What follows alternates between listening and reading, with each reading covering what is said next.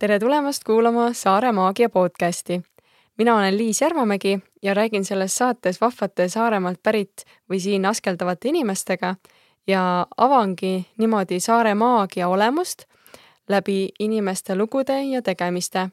ja selle saate abil aitan tuua saarlasi üksteisele lähemale ja ka mandrirahvale tutvustamaks, mida siinpool vett tehakse ja kuidas siin elatakse selle saate külaliseks on Tammejõugu Mari ja tema rääkis meile sõrulase aabitsast ja üldse keeleteemadel. rääkisime kultuurist, muusikast ja jah, ongi muusikast, tantsimisest, laulmisest, pillimängust, Sõrvemaa pärimuse seltsist, kuidas need asjad on üksteisega seotud. ja Mari teeb siin Saaremaal tänuväärset tööd just äh, kultuuri säilitamise ja edendamise asjus. Ja nagu ikka, äh, need on niisugused keerulised teemad, sest et üks inimene ei saa seda muuta, vaid seda peab muutma kambaga, seda peab muutma suure grupi inimestega, kelle, kellele see asi korda läheb. Ja, ja mina nagu isiklikult lisan siia selle, et et kuna ma ei ole Saaremaalt pärit ja ma ei tea võib-olla süvitsi neid asju, siis kui ma ikkagi kuulen ja ma näen neid asju ja mida rohkem ma kuulan teisi inimesi neid asju rääkimas ja tegelemas, eh, siis ma näen, et tegelikult võiks neid asju hinnata enne, kui nad ära kaovad või nad hakkavad ära kaduma. et see on kõik meie enda hoida ja luua. Eh, ja samas ei pea panema kellelegi suurt pinget peale, vaid lihtsalt ise väikeseid asju esiteks tehes ja siis paremini tehes saame väga hea asja luua et kuula saatest äh, täpsemalt. Ja kui sa soovid endale ka sõrulase abitsat, siis äh, uuri sõrvemaa.ee lehelt, mis on siis Sõrvemaa pärimuse seltsi leht, et äh, kuidas sa selle võiksid saada. ja mina ka hankisin selle omale ja saate lõpus sain ka Marilt autogrammi. Ja, ja hakkan uurima ja katsetama, sest noh, nagu ma jagan ka saates, et mulle hullult sellised kohalikud asjad meeldivad ja kui sulle tundus ka see saade niisugune lahe, omapärane ja kasulik, siis äh, jaga seda saate linki äh, oma tuttava või inimesega, keda see võiks puudutada. et see on hästi oluline tegelikult, et äh, sõna jõuaks nendeni, keda see huvitab. ja, ja kuula muidugi teisi Saaremaagia saateid ka. me räägime näiteks Kaupo Vipiga ühes saates, kus räägime äh, Torgu kuningriigist, mis on siis Tagasõrves asuv kuningriik. räägib täpsemalt seal ja tema ka jagab mm, neid lugusid Sõrve elust. ja egas midagi. kenad terist teitele. head kuulamist.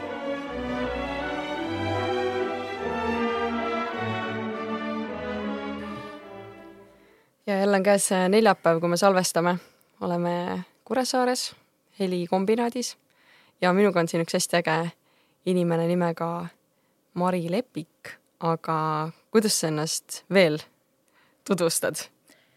tavaliselt ma tegutsen Tammeaugu Mari nime all mm. -hmm. mis see, mis see vahe üldse on, et kui sa nagu nii-öelda, passis on vist ikka Lepik, aga mi-, mis see Tammeaugu siis seal on? Äh, Tammeaug on meie talu nimi. see oli niimoodi, et me tulime Ansikülla elama, ostsime omale talu. talul ei olnud õiget nime. sellepärast, et see oli ehitatud sinna millaskit peale sõja e, küla sisse endise põllu peale, tegelikult see oli juba rajatud e, Eesti aja lõpus, aga ta oli ka ikkagi nii-öelda põllumaja. ja põllumajadel tihtipeale ei ole õiget nime, sest ta ei ole ju ikka vana, vana koht. ja siis me olime selle imeliku nimega majas, millel oli erinevates dokumentides erinev talu nimi pandud, sest tal ei olnud õiget nime ja inimesed kutsusid veel kolmat moodi ja siis naabrimees ütles, et näed sa, see põld siin, et nii kena, et sul ka vanaisa selle siin üles kõndis, et siin oli see, see tammeaugu põld, igavene kena põld siin ja siin oli suur tammepuu oli keske põldu ja igavene uhke oli. mul kohe peas käis, tammeaugu põld jah. ning siis saimegi ta oma talule nime Tammeaugu talu mm. -hmm. et see on põllu järgi. väga lahe, ehk siis äh, ongi nagu talu nimi ja siis enda nimi, et kust talus sa oled ja. jah, kus ja. ma elan mm. -hmm. kas see on siis seal Sõrve kandis niimoodi või ma varem no,. see on igast pool, kust alust sa elad, selle järgi su nimi on. et mina seda ei ole isegi nagu märganud. aga või, või olgem ausad, tegelikult minu vanaema kutsuti ka oh,, issand, ei, ei, ikka ei, ei ole talu järgi olnud. tihtipeale on, tihtipeale on, et Meite külas, kui ma laps olin, siis ma ei teadnudki ühegi inimese päris nime, ma teadsingi ainult seda, et kes oli Ranna-Brits ning kes oli Metsa Elvi ja kes mis Mhm. kus. Ja selle kohta öeldakse inglise keeles, et the more you know, et nagu, et jaa, aga sedasi see käib, et äh, see talu nimi ütleb inimese kohta väga palju. mm. -hmm. ikka nagu jah, ütleb nagu, et kus sa oled, sest lepikuid on ju palju siin-seal igal pool, issand jumal, et siis võid arvata, et kõik on sugulased, aga ei, tegelikult ei pole üldse mitte, Saaremaal Just. pole mitte ühtegi lepikut Meite sugulased. mm.. Umbes neid Meite oma pere omad. Mm -hmm. näe, ma annan sulle kolm küsimust siit äh, Ahah. sedelite pealt, et võta kohe võta kolm ära, võta kolm ära ja siis äh, ükshaaval loe ette küsimus ja vasta. Need on lihtsalt sellised sissejuhatavad, et natukene mõtet saada tööle ja kuulda ka sinu Mhm. nii, mõtteid. esimene küsimus on, et see, mis, mis see tegevus on, mida, kui ma olen seda teinud, et siis päev on õnnestunud. tead sa, sedasi saab mu käest küsida umbes inimene, kes minust mitte mida ta ei tea. sellepärast, et ma teen iga päev nii palju erinevaid asju, et äh,, et kui ma ainult ühe nendest ära teeks, ega siis see ikka ei päästaks päeva mitte. aga ah,, jaa, aga sedasi saab küll ütelda, et muidu mul on iga päev on mul ette nähtud, et ma pean viiulit harjutama. aga kui ma olen oma töödega jännis, siis ma ei jõua selleni. aga kui ma saan oma töödega ikka enam-vähem järje peale, siis ma jõuan viiulit ka harjutada ning nõnda, et selle järgi saab aru küll. Et kui oled jõudnud viiuli mängimiseni, siis on nagu kena päev olnud. siis äh, pärast seda, pärast seda võib ütelda, et on, on enam-vähem õnnestunud ja õue peab ka jõudma muidugi, et korraks kasvõi. see on ka jah, tööka, tööka inimese teema, kes teeb äh, mõttega, mõttega ja niimoodi tööd, mitte ei lõhu puid. jah, tahaks lõhkuda küll, see oleks otse kena, et ma, mu unistus on praegust jah, jõuda nii kaugele, et ma saaks jälle hakata õues puid lõhkuma ja, ja õuetöid tegema, et saaks oma järje jälle eest ära. mm. -hmm. aitäh, nii. oota, mis siin veel on? aa, mis värvi on armastus, oi, ma lapsena mõtlesin selle üle, tead, see laul oli ju Vikerraadiost tuli ja Mitel Vikerraadio kodus kogu aeg mängis ning siis ma muudkui kuulsin seda laulu ja mõtlesin ja siis ma mõtlesin, miks kedagi peaks tahtma oma aknad ära värvida üleni ühte värvi. Ja siis ma mõtlesin, et ilusad aknad, need on ikka need, kus on nagu pildid peal ja kõiksugu värvid on peal, et miks sa peaks tahtma sellist armastust, et sa värvid kõik üleni, ma ei tea, tumesiniseks või punaseks. väga sant mõte ja siis ma lõpuks, ma, ma sain teada, et, et kui, kui kõik värvid segamini panna, siis nagu polegi värvi. ja siis ma mõtlesingi, et, et tegelikult see, mis päriselt need aknad on, läbipaistvad, et see ongi. et see polegi nagu värv, vaid hoopiski läbipaistev ake. väga, väga hea mõte. jah, see tuli mul juba ammu. väga äge, et said nüüd seda teistele ka jagada, nii äge. jah, ma ei olnud seda teistel rääkinud, seda polnud küsinud. just nõnda. nimeta midagi, mis saab maha kukkuda. see on väga huvitav küsimus. ma, kui sa mul seda ütlesid, ma, kui ma seda siit nüüd lugesin, siis mul tuli kohe meelde see, kuidas mul laps sülest maha kukkus, sest et ta rüpeldas ringi ja ma kohe püüdsin ta ruttu kinni, panin jala alla ja andsin talle jalaga kopsti vastu pead nõnda, et sääretera oli tükk aega haige ja lapsel oli muhk peas. nii et laps võib kukkuda maha. jah, see, see oli esimene mõte. aga jah, see oli väga õnnetu juhus. juhtub. juhtub. aitäh, sa jagasid. nii äge, nüüd ongi esimesed mõtted juba nii-öelda pult äh, siin lindile saadud. mina ise peaksin ka mõne niisuguse küsimuse saama, et ma ise ka selle nii-öelda jutujärje soojaks saaks, aga õnneks mina ainult küsin täna. jaa, aga et äh, kustkohast sina siis, Marit äh,, pärit oled? kust sa tuled? ma tulen Ansikülast. ma tulen Ansikülast ja ma olen Ansikülast pärit nõnda kaugest ajast, kui paprid ütlevad. Kui papreid enam ei ole, siis ei tea. aga et üks mu esiisa Mats oli tuld äh, Saaremaa teisest otsast äh, Sõrve ning hakkas laevu ehitama ja hakkas seal randas, Leetse randas, Leetse nina peal täpsemalt laevu ehitama, oli laevaehitaja. ja oma naise, ma ei tea, ju ta võttis sealtsamast siis no igatahes sinna nad jäid, sinna mere ääre peale. ja, ja et äh, meite see Mats oli laivaehitaja, siis pole meie mitte päris orjad olnud. siis äh, on meid alati teistest kuidagi kõrvale tõstnud, et me seal mere ääre peal oleme istunud ning katsunud kuidagi hakkama saada teistmoodi kui teised. ja mis sa, mis sa pra-, praegu teed?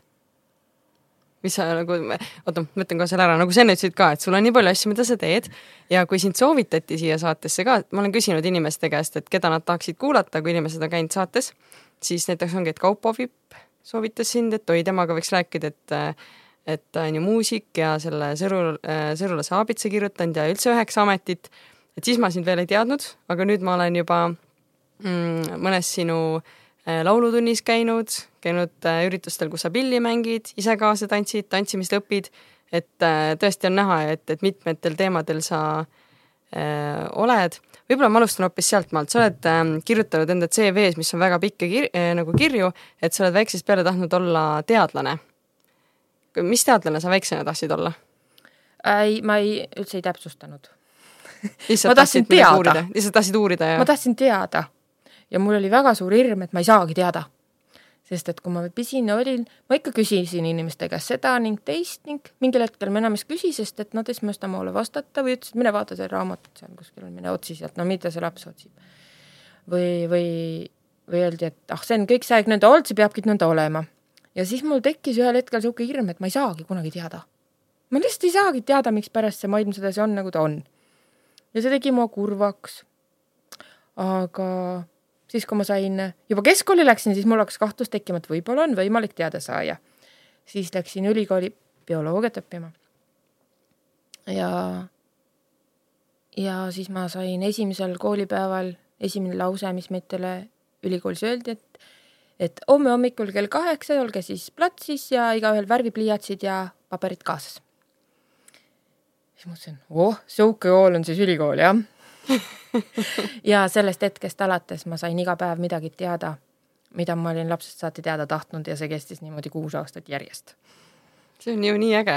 no ja siis ma läksin doktorantuuri, siis ma pidin ise uurima, siis enam teised ei ütle, aga ja. ikkagi, et olen iga päev teada saanud midagi, mida ma olen tahtnud teada. no nii enam sõuke tempo pole, aga hakaduses mm -hmm. oli küll.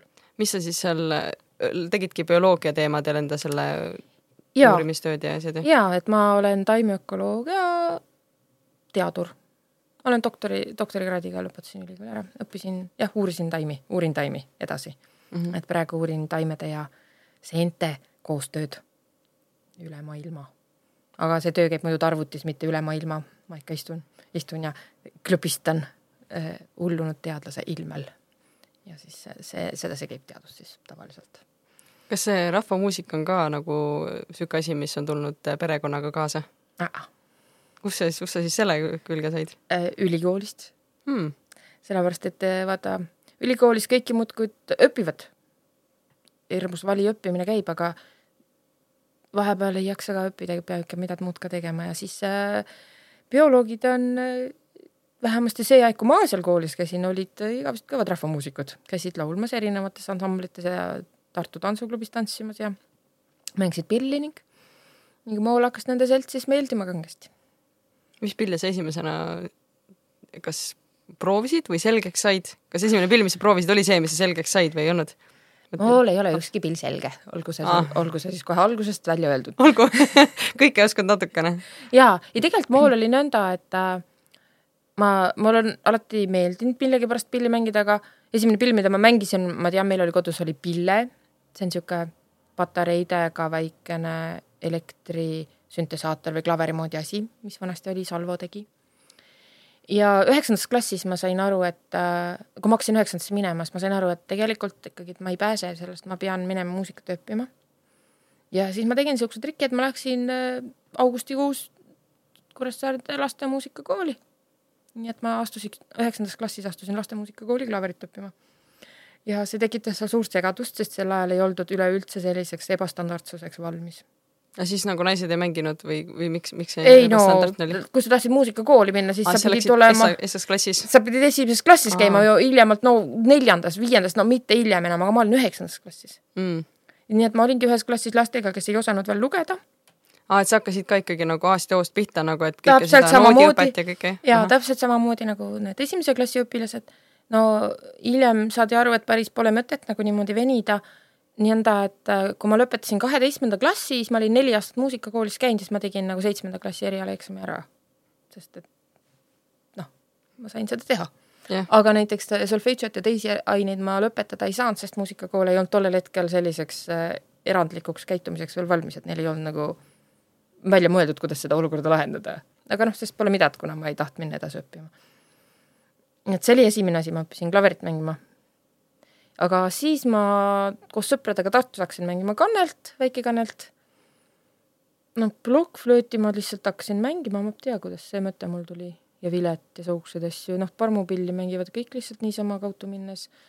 akordion on meil alati kodu olnud, seda ma pole ka kunagi õppinud. sellega oli nõnda, et kui siin, see oli enne koroonat, et äh, sihuke tunne oli, et ikkagi tahaks nagu kellegiga seltsis pilli mängata. Ja siis küsisin seal Ammukeri mu regilaulu naiste käest, et noh, mängiks mingit pilli, et mis pilli teil teil on, et mängiks kannelt, et nii hea lihtne, õpetan teile, tahate? nii tore oleks. ja noh, kandleid oli kamba peal kokku kolm tükki, no mis me teeme Need ka Meite kodukapi otsas on ju. et kas, mis pillid teil siis on? kõikidel oli akordion. olgu, hakkame siis akordionit mängima. võtsin mina pilli esimest korda nagu teadlikult, tahtlikult kätte, võtsid nemad esimest korda käde. Praegust mul on Meitel seal kena akordioni ansambel käib. õppisime seltsis, hakkasime koos õppima. millal see oli? see oli, see oli aasta enne, siis kui koroona tuli, tolle sügise mm. -hmm me jõudsime just natuke ise mängida ja tegelikult me vist natuke tegime ennem ka, aga niimoodi hästi korralikult, et nagu iga nädal siis hakkasime tegema just mm. -hmm. nüüd siis me läksime e-õppele. E-õppel saite teha ka midagi või? täitsa kenasti mm, -hmm. tegime salvestusi ja kohtusime natuke otse ka, aga noh, seltsis mängata ei saa, aga saime nagu rääkida, kuidas läinud on ja mm -hmm. siis tegime jälle salvestusi ja kena oli. aga siis, ja siis juhtus sedasi, et Oliver äh,, Oliveril oli viiul ja viiul on niisugune pill, mida ma olen tahtnud mängata juba siis, kui ma sain aru, et tegelikult on päris olemas inimesed, kes mängivad viiulit, noh, see ei ole nagu, et telekas on inimene, kes mängib viiulit, aga ma ühel Aa, päeval sain aru, et on päriselt, päriselt. ka need on olemas, need inimesed ja nad on siinsamas Eestis ja nad on päris inimesed nagu ei, seda ma veel siis ei teadnud okay. et aga, aga noh, kui ma sain aru, et need on päris inimesed, siis ma olen alati tahtnud seda mängata, no ma, ma arvan, mis ma võisin olla, no kümme võib-olla või niimoodi, kui mul nagu see jõudis teadvusse ja kümneaastane jõudis mulle ka teadvusse, et Saaremaal päris kindlasti kümneaastased enam viiulit õppida ei saa. Et ikka peab olema väike-väike, see on mm. -hmm. aga nüüd juhtus nii, et kui ma seal ülikoolis Oliveriga kogu sain ning jäin ning tal oli ju viiul, siis ma hakkasin seda mängima, sest et mitte kedagi saa mind keelda. ja siis ma hakkasin õppima vaikselt, algul õppisin ise, siis ma käisin natuke ise õppimas igasugu rahvamuusikute ja rahvaviiuldajate siukstel õppepäevadel ja niisugustes kohtades ja natuke ise õppisin äh, Mooste Rahvamuusikakoolis ka, siis kui koroona aasta oli, sest siis käis kõik niikuinii üle neti, nii et ma võisin ükskõik kus kohas muusikakoolis käia. nii et ühe aasta sain ma seal ka õppida. ja, ja nii äge värk, et mind võeti Kuressaare laste muusikakooli orkestrisse juba vastu ning ma saan seal teises viiulis tagumises pultis täitsa hakkama juba, vähemalt oma arvates. nii et naine kui orkester, et kui saaks kõiki pille nagu noh, korraga mängida või noh, ütleme niimoodi, paralleelselt, siis tegelikult saaks päris ilus asja kokku ju. ei no kindlasti jaa. me kodus ühe korra lugesime üle, ma arvan, et see oli kuskil kümme aastat tagasi, et mitu pilli meilt oli inimese kohta oli, no minu meelest oli meil kuus pilli kodu ühe inimese kohta. Inimese kohta. Mm. praegust on rohkem. väga lahe, aga lapsed on sul ka ju, mängivad pilli? jaa, kes rohkem, kes vähem. kui suur su pere üldse praegu on? Jälle lai mõiste, mul on viis last, aga kaks on juba üsna suured ning nad ajavad oma rada mm. -hmm. ja kuidas, kuidas nendele see muusika no ta jõudis, et kas neile ikka pidi pilli kätte andma või nad ise tulid ja hakkasid katsuma? nii ja naa, nii ja naa, et ise katsuvad loomulikult, aga siis, kui on vaja nagu päriselt tööd tegema hakata, siis peab natukese toetama ähm,, aktiivselt toetama, ütleme nii ja, et siis, kui läheb natuke raskeks, on ju, siis on ikka nagu, et tuleb ikka toetada olla kõrval, jah jah, et ikka meelde tuletada, et ikka päriselt peab iga päev harjutama ja ikka peabki iga päev harjutama ja. Mhm. aga, aga, aga miks peab iga päev harjutama?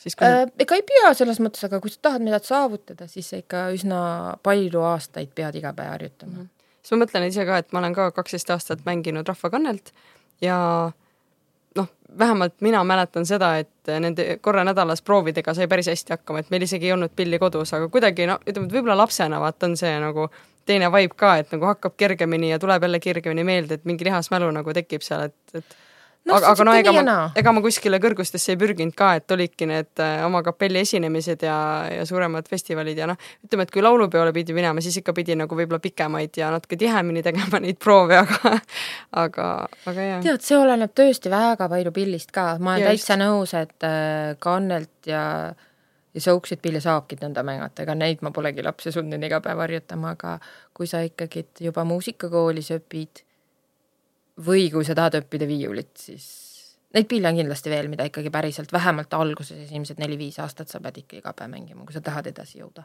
Mm -hmm. ja parem, kui õpetaja ka vahepeal ikka pilgu peale viskab, et ei no ma ju ka hakatuses õppisin ise viiulit, mõtlesin noh, mis natukene mängin seda rahvamuusikat, pole ju nii tähtis ka. aga siis ma sain aru, et niimoodi üksi nokkides kõigepealt edenemine on hirmsa aeglane ja teine on see, et ega sa ei jõua ka ikka sihukese koha peale, et lugu on äratuntav tõesti, aga ta peab ju kena ka olema ja vot seda, seda on juba väga raske ka päris üksi saavutada mm, -hmm. seda peab tööd et siis muusika on nagu sinu jaoks ikkagi oluline, nagu ma aru saan. ja ma eelmine aasta sain järsku, järsku aru, et, et jah, ma pole küll professionaal, aga aga ma ikka peast muusik natuke ise olen, sest ma ikka ilma päris ei saa, et peast muusika et jah, et käed küll päris ei anna seda mööda välja, aga mm. -hmm. aga lähme siis siit kohe sujuvalt edasi, et äh, kus kohas sa praegu nagu esinemistel mängid või kus sa saad mängida niimoodi, et teised äh, kas tantsivad või kuulavad seda? noh, ei noh, muidu, et Meitel siin Saaremaal on see kõige uhkem värk, on need tantsiõhtud muidugi. et mida Meitel Laura hakkas siin eest vedama, Meitel, noh, see Sõrvemaa pärimuse selts siis äh, on päris mitmeid eestvedajaid koos, kes äh, ühe teise toel erinevaid ettevõtmisi väjavad ja siis äh, Laura nüüd juba, mis ta nüüd teist aastat Mm -hmm. Saaremaal, Saaremaal juba ring peal nende tantsiõhtutega, vot seal siis meid äh, Saaremaa pärimusmuusikud mängivad see tantsiõhtud on siis äh, korra kuus mm. mm -hmm. -hmm. ja ta on kümme korda aastas. Mis, mis kuudes seda ei ole, detsembris ei ole, on ju? detsembris ei ole, siis on jõulud ning kõigil tantsi küll ja, Ja- teine on suvi, on juulikuus on ka väike inimese paus ikkagi et vahepeal. ja ta on kuu viimasel reedel, jah, kuu viimasel reedel, aga kus kohas, vot seda pead välja uurima, et seda vaatame jah. seda peab vaatama, et kui sa guugeldad tantsiõhtud või vaatad Sõrvemaa pärimuse seltsi lehte sõrvemaa.ee, seal on, seal, seal ka natuke kaevates tuleb välja see mina olen ka nüüd kahel isegi saanud käia ja mulle nagu väga meeldibki just see, et äh, mina olen kunagi tantsinud siis, kui olid äh, mingid simmanid, kui ma käisin kandega ka kuskil mingitel festivalidel. muidu jah, muidu tantsimist nagu mul ei olnud, aga siis, kui olidki, et teised mängisid ette, siis sai tantsida ja kuidagi hästi äge on nagu meelde tuletada. ja teine asi on see, et, et mulle meeldibki see, et koha peal, kui lähed ja ei oska neid samme, siis tegelikult saabki neid niimoodi koos proovides selgeks. et äh, seal ju tantsitakse nii kaua, kui pillimees jõuab mängida. Mitte et siis, kui nagu tantsija ära väsib, vaid siis, kui pillimees ära väsib või liiga hakkab juba sassi minema, eks ju, et see mul, see vibe mulle väga meeldib, et tantsijad puhivad, aga mõtlevad, aga pillimees veel jõuab. no eks ta tahab natuke sedamööda olla sellepärast, et meitel need pillimehed on siuksed algajad alles. et kui on ikka päris, päris pillimehed kohal, ei need, need ei väsiks ah, jah, ära, see on see on ikka selle algaja pillimehe asi. jah, aga vot kunagi, kui me siia Saaremaale tulime, vot ma enne ka ütlesin, et Tartu tantsuklubis käisime tantsimas ja ja see oli ikka hirmus kurb oli alguses need esimesed kümme aastat siin olla ja mõtelda, et näed, me ei saagi tantsimas enam käia, et et ei värki pole olnud ühtegi Saaremaal ja küll me siis proovisime ja nokitsesime siit ning sealt ja natuke ise siis ammukeriga koos, meie Regi laulunaistega koos siis mis see ammuker tähendab? ammuker tähendab vikerkaart, ammukaar noh. Natuke äge. Et natuke ise tantsida seda ning teist, aga no ei, ikka ei tulnud seda õiget asja ja ei oska ka nii kenasti. ja, ja kui Saaremaal hakkaks seda asja tegema, siis peaks ju Saaremaa oma tantsisid tantsima, aga no nii palju jõudu enam ei olnud, et seda uurima hakkaks. ja siis see muudkui seisis ja ma mõtlesin, et ei noh, et aga mõtle, kui me siis ühe korra hakkame tantsima, aga kui meil pillimehi pole, siis pole sellest midagi kasu ju. ja siis ma hakkasingi, hakkasimegi pillimehi koolitama ja ennast mm -hmm. pillimeesteks koolitama, et see ja nüüd õnneks, õnneks selleks ajaks, kui Laura siis siia jõudis oma tantsimise imuga, on Meeter pillimehed nii kaugel, et me juba peaaegu saame hakkama. mm. -hmm. aga kuidas Laura üldse selle Sõrvemaa pärimuse seltsi leidis, et tead sa? kui ma seda teaks. sest ma mõtlen, et välja ta ilmus ühel hetkel. jah, et, et mina praegu ka Lauraga olen tuttav ja me ju mõlemad äh, mandrit pärit naised, aga kuidagi oleme siin leidnud endale need, kes läbi mille ja läbi kelle me saame ka enda seda rahvapärimuse ja rahvamuusika huvi nagu väljendada ja, ja nagu noh, teoks teha, eks ju. et äh, kuidas te seda nagu võib-olla see on nagu ilmselge vastus, aga et kuidas te vastu võtate need inimesed, kes tulevad ja tahavad midagi teha? oi, suure rõõmuga me ikka tegelikult katsume ikka kogu aeg ringi käia ja kuulutada, et mida me siin äh, oma seltsis teeme, selles pärimuse seltsis, et äh, et küll meil on laulukoor ja küll meil on äh, regilaulu variandid ja siis nüüd see tanssimine veel lisaks ning pillimäng, et me katsume ikka hoida suu lahti, et inimesed teaks mm. -hmm. ja eks me käime ka esinemas üsna palju, et noh, siin Saaremaalgi on igasugu, igasugu lavasid tuleb ette ja ja, ja iga kord ka räägime sellest, et jah, et võib ikka tulla ja tule, tule proovi ja ega siis me ju, mis, mis meitel on kena minu meelest, on see, et me ei tee ühtegi asja eriti hästi. Ja see tähendab, et kui sa tuled meite juurde, sa ei pea muretsema, et oi, sa ei oska, sest et ega me ka ei oska, et me siis koos õpime.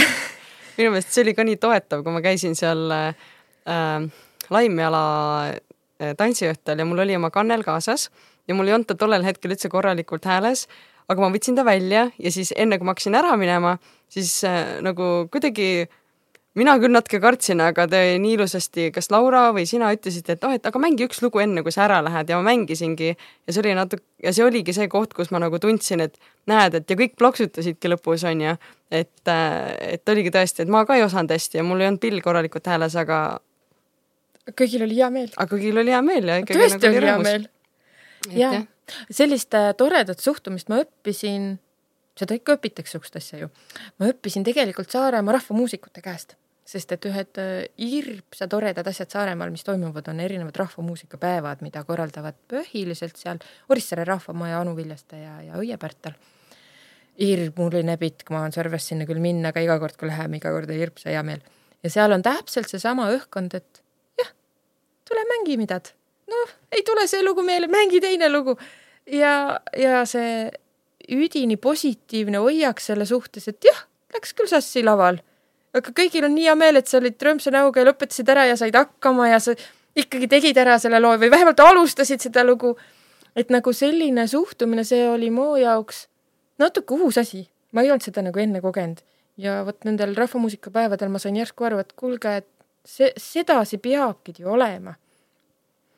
Ja peale seda on mul omal elu nii palju kergemaks läinud, sest et lavanärv on ju poole pisem, kui sa tead, et sa ei pea kartma, et sul hukka läheb mm. -hmm. ja vaata kui äge, et ise on siin nagu, mõtlen ka, et kui ennast on niimoodi vastu võetud, siis sa ju tead, mis tunne on, kui tuleb, kui tuleb keegi uus, on ju. et ise oled ka uuena tulnud, jalg väriseb ja ei tea, kus ja mis, aga tahe on suur, et siis noh yeah., ongi, see on väga hea suhtumine, kui meil inimene vastu võtta. et see oli tõesti nende, otse nende käest, ma nägin, et nii, nii võib Mm -hmm. et võib küll olla nii sõbralik ja nii tore ja nii, et me katsume hoida omal ka oma asju alati nii sõbraliku ja toreda, nagu me oskame. Et, et oleks julge tulla kõigil. millal see Sõrvemaa pärimuse selts asutati ja kuidas sellega üldse oli, kes selle tegi, kas see on nagu vana asi või on ta nagu nüüd sellega uus asi? nõnda, et äh, ma, ma olin ülikoolis. ma ei olnud mingi esimesel kursusel enam, ma arvan, võib-olla kolmandal või võib-olla ma olin juba magistris. tulin koju ja rääkisin oma vennaga öö läbi rääkisime. Ta oli siis ootamatult suureks saanud, tead küll, lähed kooli, sul on nagu väike vend, kes käib koolis, siis tuled tagasi, siis on järsku mingi jämeda häälega mingisugune inimene sul. ja see on mõistus peas, ajad juttu, nõnda kena juttu ajada. Ja, ja rääkisime ühe öö läbi temaga sellest, kuidas kuidas ei ole ju nõnda, et umbes kihnlastel ja setodel on oma kultuur ja keel ja ja just sõrulastel ei ole, et see keel, mis me räägime, see on, see on nagu vale kuidagi või või, või see, et meitel siin, ma ei tea, et see, mis me siin teeme, et see on nagu kuidagi imelik ja, ja rumal ja harimatu ja mõttetu ja, ja siit tuleb põgeneda nii kaugele, nii ruttu annab ja kõik siuksed asjad ja ma ütlesin, see, see, see ei ole nagu normaalne. nii ei pea mitte olema. ja siis me seal öösel rääkisime, mõtlesime, jaa, vot sõrulastel peaks ka ikkagi olema sihuke arusaamine, et meil on oma keel ja see on väärtus ja meil on oma kultuur ja see on väärtus, aga sõrulased isegi ei tea, et nad on sõrulased enam. ja et oleks ikkagi vist aabitsat vaja, et ilmselt on aabitsat vaja rääkisime seda seal öö läbi ja siis tuli hommik ja, ja siis läks aeg mööda ja, ja siis äh, ma ei saa sulle aastat ütelda, aga ju ta pidi mingisugune kolmteist, neliteist aastat tagasi olema. kui oli meitel selle Tartu noorte folklooriansambel Sinimoni seele, kus me käisime Oliveriga mõlemad, oli äh, aastavahetuse laagris Abruka saarel. Ja siis, kui me sealt ta laagrist tagasi tulime, siis meil oli nõnda kokku lepitud, lähme Salme rahvamajja ja teeme seal ühe kontserdi. ma ei tea, kuidas see nii juhtus, aga niisugune plaan oli ja seal kontserdil võttis mu vend ühe suure purgi, pani sinna sildi peale sõrulaste aabitsa heaks ja korjas sinna sisse suure hunniku raha. inimesed panid hirmsa hea meelega ja suuri rahanumbreid panid niimoodi, et metel olid silma, silmad ümmargused, mõtlesin, et mis asja Wow, Ja et, et kui- inimesed nagu tahtsid, aga Nad tahtsid olnud nii jah. väga seda, et nad panid, need olid, need olid suured rahad, see ei olnud nagu, et panime mingi ühe kopikalise sinna, on ju, tol ajal olid Eesti, Eesti rahad veel küll, jah. ja siis ma vaatasin seda raha, sihuke pusa oli, mõtlesin, et issand jumal, nüüd me ei pääse.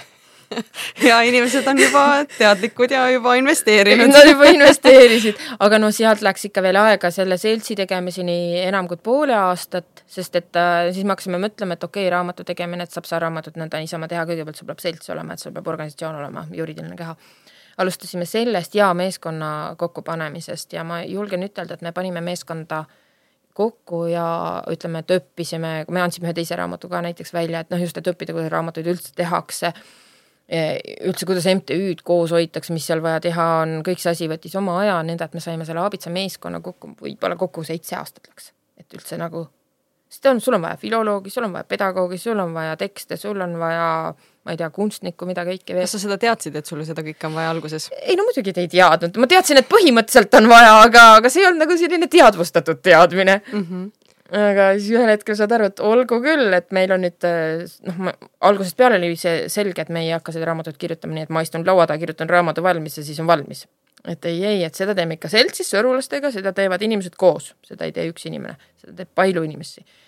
ja loomulikult oleks olnud umbes kolm miljonit, triljonit korda lihtsam istuda laua taha ja kirjutada see raamat valmis see on täitsa ja seda saad ka alles pärast teada. ei noh, ei ma juba siis aimasin, sest et arvestades äh, aga see ongi vist ütlus, et kui sa tahad minna kiiresti, mine üksinda, tahad minna kaugele, mine koos. ja, ja, ja kuna meie eesmärk ei olnud tegelikult teha üks ilus raamat, vaid meie eesmärk oli, et sõrulaseks saaks, sõrulased saaks teada, et nad on sõrulased ja nad on väärt olema sõrulased ja kandma oma kultuuri, siis seda ei oleks see ühe raamatu kirjutamine küll mitte kuidagi tandnud. ja et keegi tuleb ja ütleb, et näed, voh, võta raamat ja ole Õpi- sõrulane. miks, miks, miks ja kaasatus on ülioluline, et inimene nagu ise nagu ja selle raamatuga läks küll nõnda, et meil oli sada inimest põhimõtteliselt on sellega seotud mingit otsapidi, et kes andis pilte, kes andis jutte, kes andis raha, kes aitas midagi muud teha, et umbes sada inimest, kui me siin neid kokku lõime.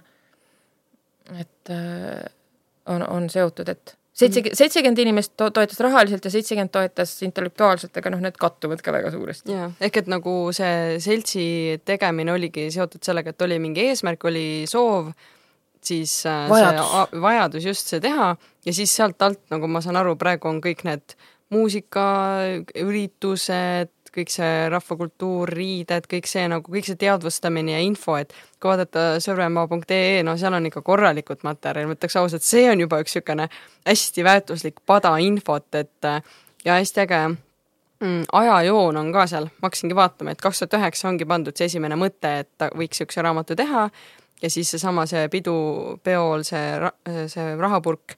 Ja ma kuulasin kaks tuhat kaheksateist aasta Sõuke Sõrvemaa Youtube'i videot ka, kus oligi nagu talvel tehtud sellest, kui see raamat oli valmis saanud. Ja siis sinu käest küsitigi seal, et, et sealt saab ka väga täpselt sellest kuulata, et, et või noh, et kuidas see täpsemalt siis oli, sest et kaks tuhat kaheksateist või seitseteist välja nagu lõpuks antigi, on ju? Jah, seitseteist äh, toomapäeval sai, jõudis Saaremaale. jah, et siis äh, jaa, et see on huvitav teema, sellepärast et ähm, kui me räägime üldsegi kultuurist, inimeste kuuluvusest, siis ähm, ma nüüd selle nädala jooksul uurisin ka rohkem seda teemat, kuna kui tuleb saatekülaline, siis mulle nagu meeldib seda teemat natuke rohkem avada, et ma nagu ka ise teaks sellest küsida ja kuulasin või vaatasin ära selle filmi Keelepäästja.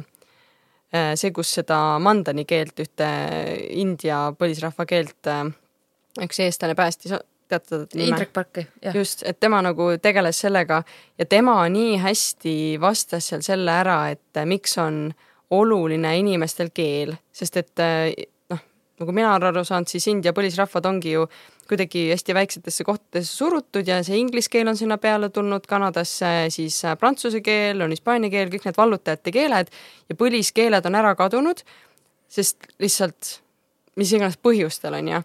palju, palju põhjuseid. just, ja nii huvitav oli see, kuidas ta seda mainis, et ma praegu ütlen selle enda mm, arusaama ja sa saad seda nagu jagada ka, me enne isegi rääkisime enne salvestust, et kui inimene on, näiteks ütleb, et ta on eestlane, aga ta ei oska eesti keelt, ta räägib muus keeles, kas on see vallutajate keel või, või on ta kuhugi läinud ise, siis tegelikult see on, see nagu noh, siis ta tegelikult ju väga suur osa tema sellest rahvusest või sellest identiteedist on ju puudu.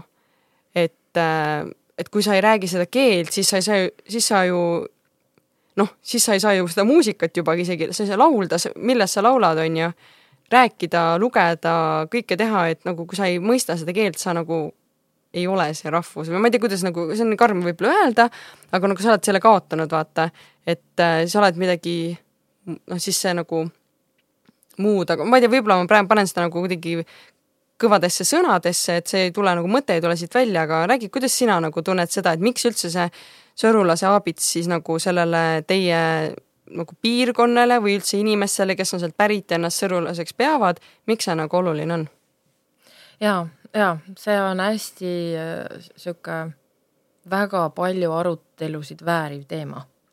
ja selle aabitsa tegemise töö jooksul me oleme sellest nii palju rääkinud, ega ma ei mäletagi enam, kuhu me jõudsime ja kuhu ma ja ma olen kindlasti ise edasi jõudnud vahepeal keel on äh, lihtsalt nii suur osa kultuurist, sest ta just nagu seob selle kultuuri erinevad aspektid kogu.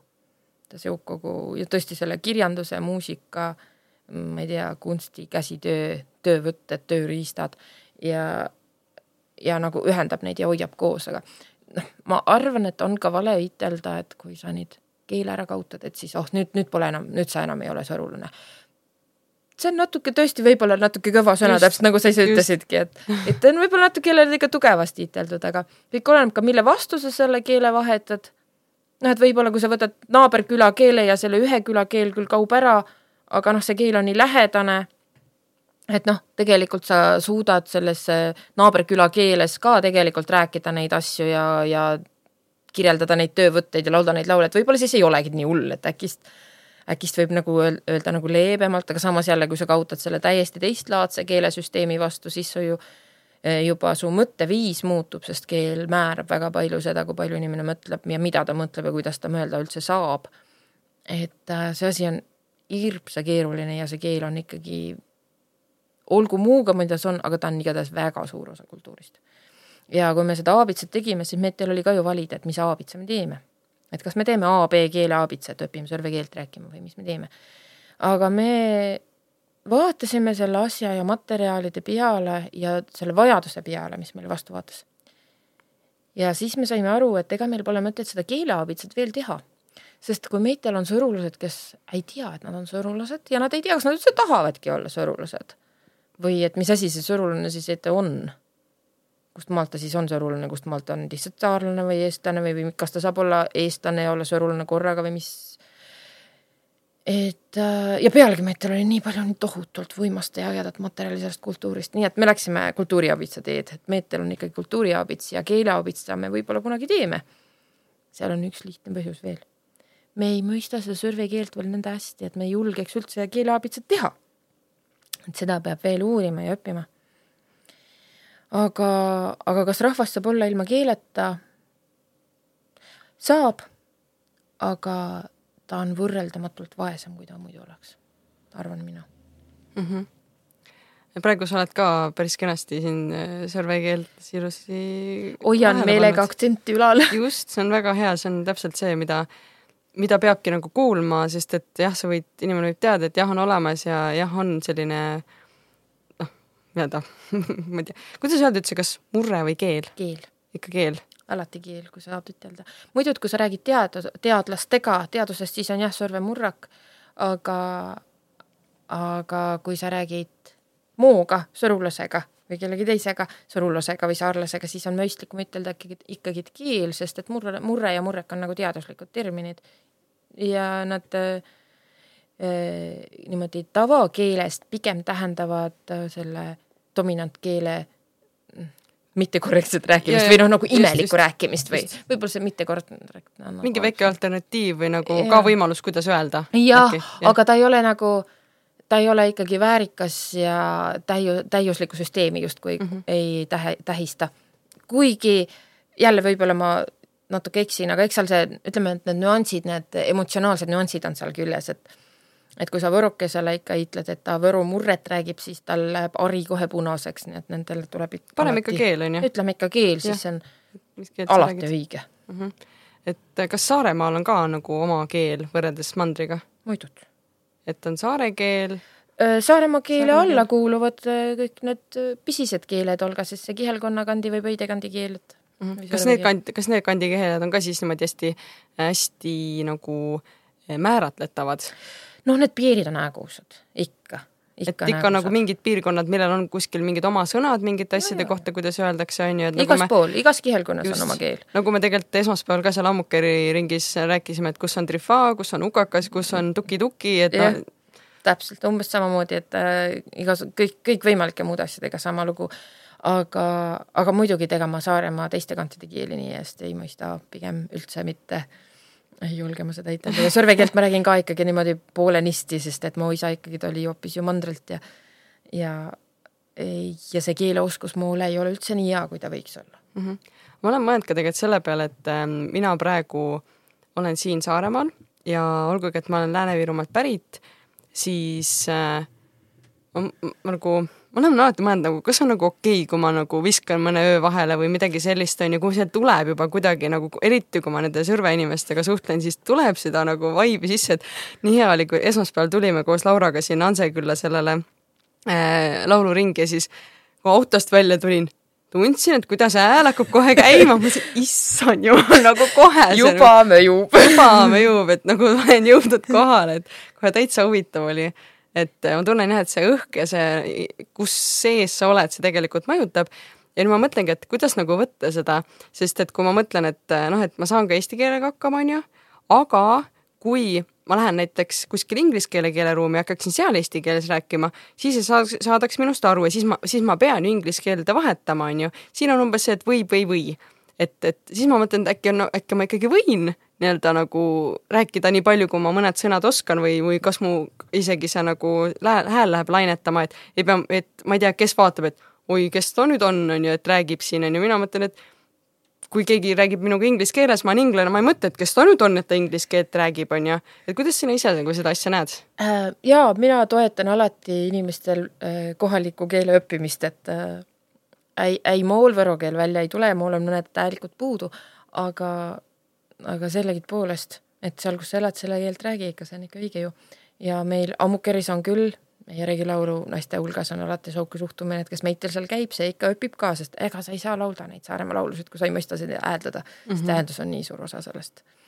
Ning ma arvan, et see rikastab inimest ikka ju, kui ta mõistab mitut keelt rääkida mm. -hmm. seda on nii huvitav kuulata ka, kuidas see on, nagu see kass oli, vaata, et Jah. kass või kas, kas ütled kass või kaiss? kass, jah, et, kass ja kassid. just, et, et, et noh, et, et millal, millal, mis ja siis kuidas on, et mitte päris mingi öö, vaid nagu sihuke öö nagu kerge Jaa. öö on ju, et seda ma olen ka seal pannud tähele, et et ikka nagu on need nüansid ja, ja ma ei tea, mulle nagu meeldivad siuksed omapärased asjad, nagu siuksed kohaliku piirkonna või siuksed nagu oma asjad, nagu te ütlete, isi oma, on ju. et äh, ongi nagu, et noh, enda, enda nüansid. just. ja, ja see ikkagi, et moos näitab see austust selle kultuuri vastu, kui sa oled valmis seda öötähte harjutama, et sa ei hakka seal torutama oma öökuli ööd igasse Just. poole, vaid sa saad aru, et ei, see ei ole see, siin on nüansid, see keel on palju mitmekesisem ja siin on, see öö on ainult väga pisine osa sellest kõigest. korraks lähme sinna ka, et äh, sa käisid nüüd sellel keele suurel üritusel, ütleme, on ma käisin mitmes kohas, oli järjest oli keelekonverents oli? Värskas mm -hmm. ja siis oli äh, keelelaager äh, Viljandimaal mm. Mhm. kuidas need sinu vaadet keeltele ja noh, ongi erineva piirkonna keeltele üldse nagu avas? no ega see mu jaoks võõras teema ega seltskond ei ole, ma tundsin neid inimesi ennemgi. Ja, ja teadsin, mida nad, mis nende mured on, aga ikkagi ta oli hea üle kuulata, kuidas neil edenenud on, kellel, kellel mis mured praegu just on ja kes seal siis kokku said? no üle Eestimaa need pisised keeled, alustades seal Põhja-Eesti rannakeelest, mis on niisugune soome keele moodi natukese või, või siis Peipsi äärest Kodavere, noh, Lõuna-Eesti mitmed keeled, mm, hiidlased, muhulased, kihnlased, sorulased. Mhm. ja kuidas see seis siis on praegu, et kui palju üldsegi nagu on niisuguseid inimesi, kes omavahel räägivad oma, oma keeli? üsna palju on, aga see on niisugune asi, et üsna palju millega võrreldes. võtame kakskümmend aastat tagasi, siis, siis istume kõik koos maha ja nutame natukese aega, sest aga vahepeal on siis midagi nagu tehtud? vahepeal on midagi mis, juhtunud. vahepeal on juhtunud Aa, see, et põlvkonnad midagi läks hullusti? hullusti on läinud see, et sõjaeelsed põlvkonnad hakkavad otsa saama. Ja kui- inimene, inimene ei saa mitte igaveseks maa peale jääda ja nad lähevad koos oma keelega. Ja kas ongi nii, et kui inimene nagu kaob, siis kaob ka keel? osadel rahvastel on nii. et kui ei ole nagu mingit äh, salvestusi, kirjutusi, Äh, salvestus ei olegi eluskeel, eluskeel on inimene, kes seda Mhm. mm. räägib, isegi kui on salvestused ja kirjutised ja, aga ei ole rääkijaid, siis nagu Siis on surnud. siis ei ole keelt, jah? siis on surnud. et siin ongi päris mitmel keelel on nõnda, et äh, et ei olegi neid elus rääkijaid enam, on neid, kes mõistavad natukese rääkida, kellel on seda aktsenti, kellel on äh, mingeid mälestusi siit ja sealt, aga tervikkeelt enam alles ei ole. näiteks seal äh, kas Häädemeeste kantis vist seal oli sauka mure. Aga samas, kui, kuna kohalik kool on nii tugevasti neid toetama asunud, siis nad praegast tõesti töötavad selle kallal, et nad võtavadki oma salvestused ja kirjutised ja töötavad selle kallal, et seda keelt, mis on kõrvus veel olemas, aga suus enam ei ole. vanaema rääkis, ma mäletan, kuidas ta rääkis, aga ma ei oska enam ise rääkida. nii et nad õpivad nüüd salvestuste abil põhimõtteliselt uuesti seda keelt äh, elule ja kuna kool toetab, siis äh, moest neil on tuul tiibade all täitsa olemas mm, -hmm. väga uhke. Aga üks asi, mis sealt sellest keelepäästja raamatust ka või filmist jäi mul kõrva, on see, et, et lapsed ei õpigi keelt äh, võib-olla täiskasvanute käest, vaid teistelt lastelt. et äh, kas sul on mõni hea näide ka, et kuidas siis koolides seda, neid keeli aidatakse inimestele suhu? ega koolist väga hästi ei aitagi keelt suhu. et, äh, et keele aitab suhu kodu ja kui kodust ei aita, siis õue pealt ja see õue võib ka lasteaiaõue olla ja lasteaiatuba ka. et see aitab täitsa kenasti ka keeleõppeks, et äh, see koolieelik on see kõige magusam keeleõppija.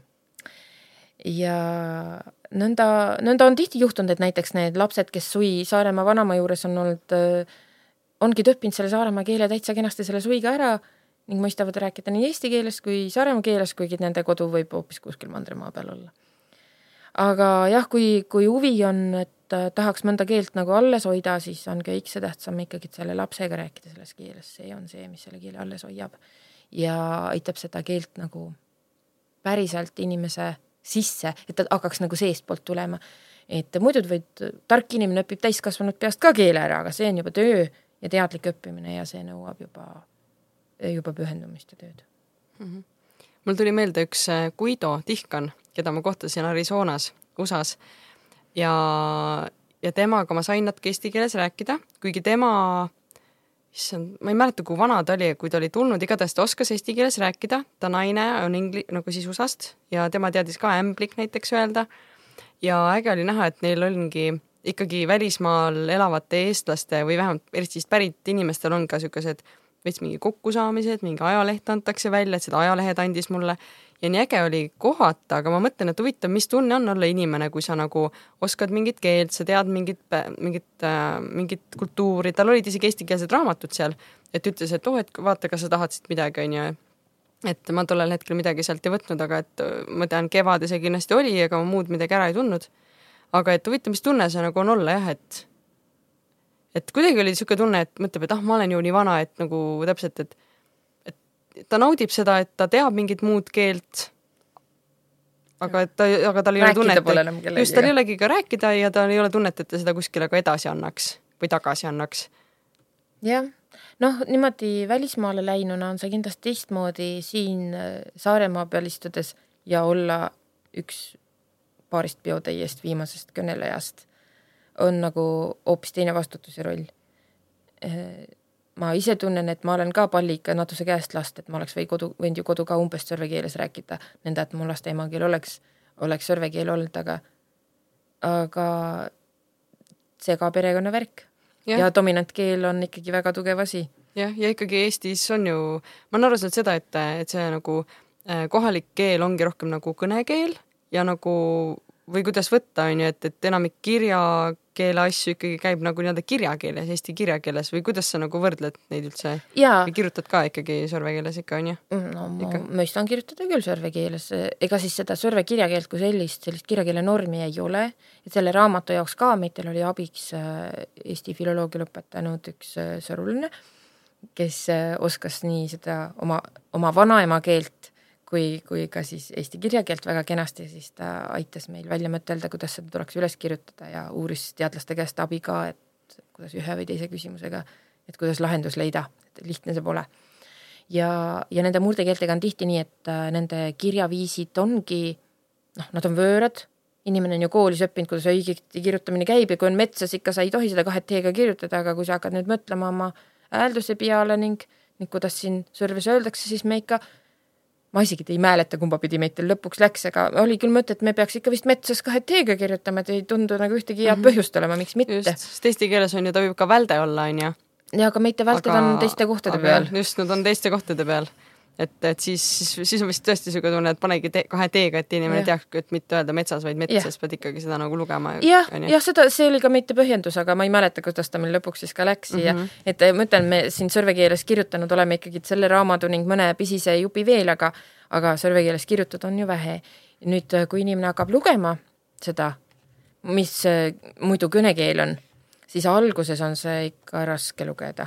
Ja nagu see Indrek Park ka kenasti ütles, et esimesed kaks tundi on ikka väga raske lugeda, aga pärast on täitsa mõnus. aga kannata need kaks tundi ära siis. siis edasi on ju kena mul hakkab Siis- kõrvus kohe vana, vanaisa hakkab rääkima, kui ma loen sõrvekeeles. on ju, tegelikult on niimoodi, et, et mingi keegi, kellegi hääl hakkab nagu rääkima või kui ei ole, siis, siis pead lihtsalt mõtleme kaks, selle vanaisa kaks tundi välja. lugema ja siis võib-olla tekib mingi oma hääl sinna sisse. Aga äge jaa, ma ei ole seda veel ise väga palju lugenud, aga ma nägin jah, et siin lõpus, selle Sõrlase aabisse lõpus on täitsa nagu niisugune sõnastik ka olemas mm, Mhm. -hmm. et, et et kõik see on- sõnad saab ikka järgi vaadata, mis nad võiks tähendada. mm -hmm. kuigi me tegime siin ka teadliku otsuse, et ega me siia eesti keelt siia raamatusse rohkem ei pane kui esimesse peatükki ja kõik muu on ikkagi sõrvekeelne, sest me vaatasime, et saab aru küll, kui natukese ümber, natukese pikemalt seletada, siis saab kõigest aru. ja siin all on isegi äh, siin on Mm. jutumullides on seletatud, kuidas hääldada, et kuidas eestlane hääldab ning kuidas sõrulane hääldab midagi. jah, ja siis äh, all on nagu väiksed selgitused ka ja niimoodi. jaa, me oleme jah, kõige siuksemad, et sa ei pea iga korra sinna taha minema otsima. mm. -hmm. siin ongi niimoodi, siin on kaks mingit mehikest kõrvuti, et üks ütleb, et ära tee midagi ja teine ütleb, ära tee midod, midod, midad? jah, jah, just. et äh, jaa. aga mis asi see Sõuke Sõrvemaa on? Sõuke Sõrvemaa, no see on meite, põhimõtteliselt meite blogi, kuhu me oleme pannud kokku igasugu asju, mis me teeme, tihtipeale raadiumisaateid, aga vahest muud värki ka. mm. -hmm. aga räägi sellest ka, et teil on täitsa Vikerraadioga koos selline Sõrvemaa, mis on sõrvekeelsed uudised. sõrvekeelsed uudised on jaa. kuidas see asi siis sai valmis? see on ka selline looga lugu, et ühe aasta olid Eestimaal olid niisugused talgud nagu mõtlemise talgud olid, vaata, meil on kevadeti need talgupäevad, üks oli mõtlemise talgud olid mingisugune, kas oli kaks tuhat neliteist või mingi niisugune number. ja me tegime ka siis niisuguse mõtlemise talgu, et mis me siis sõrve, mis me siis sõrvekeeles teeme. tegime niisugused mõtlemise talgud ja arutasime, mis me tahaks, me unistasime, otsustasime, võtame piirid maha ning unistame täitsa vabalt, meil oli seal hirmuline külm oli, ma mäletan seal toas, seltsimaja ei olnud veel remonditud, siis ta oli pisine ja ossa jummel, kui me külmetasime alles. Ja siis meitel Oliver võttis kodunt vist mingi neli kapiust seltsi, siuksed suured kapiuksed olid, tahvlites ei ole olnud, aga võtsime need ja siis kriiti ning kirjutasime need neli kapiust täis, et mida me tahaks.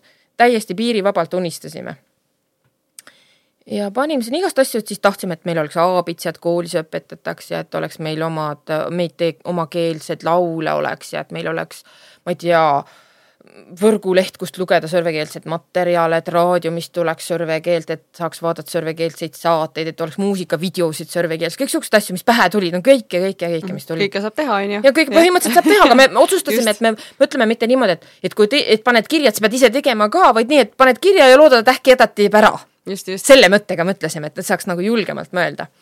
Ja need neli kapiust said kin-, täis kirjutatud ja siis ma kirjutasin sellest kogu mingi niisuguse ühe A4 niisugust noh, kokkuvõtte, et mis me umbes tahame ja siis juhtumisi oli Kultuuriministeeriumi mingisugune kogunemine erinevate murdekeelte teemadel, mis iganes, linnuke kuhugi oli vaja teha kaasamine, värk. ja kuidagi ma sinna jõudsin selle papriga ja ulatasin selle sinna Kultuuriministeeriumi esindajale, selle papri ka siis, et noh, me siin arvutasime, et mis me tahaksime ja midagi seal hammasrattad tegid krõka-krõka ja siis läks natuke aega mööda, Meitel helistati, et tere, et nüüd Meitel on niisugune koostööprojekt, et äh, Eesti kolm saart, Saare, äh, Saaremaa, Muhumaa ja Hiiumaa, et me saame ühe murdeuudiste saate jupi ühe, no omavahel jagamiseks kolmapäeviti kordamööda.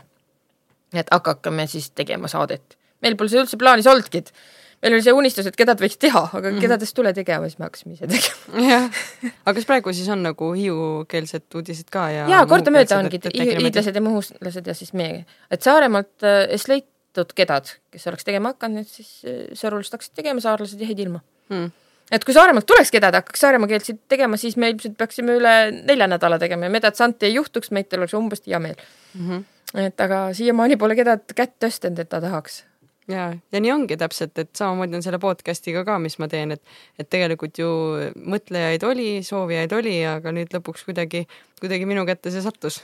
nii teed sa. just, ja nüüd tema ja, ja nii ongi ja ongi hea, et vähemalt saab tehtud muidud, muidud, ei, meitel ka ega see kerge pole, aga õnneks pole väga tihti vaja teha ja see on hea, et jagata niimoodi um, vaatan veel, mis ma siis, mul on nii palju teemasid, vaata, mida sinuga rääkida ja see on äge nagu, et sa kõike seda oled teinud ja et sul on neid kogemusi, mida jagada.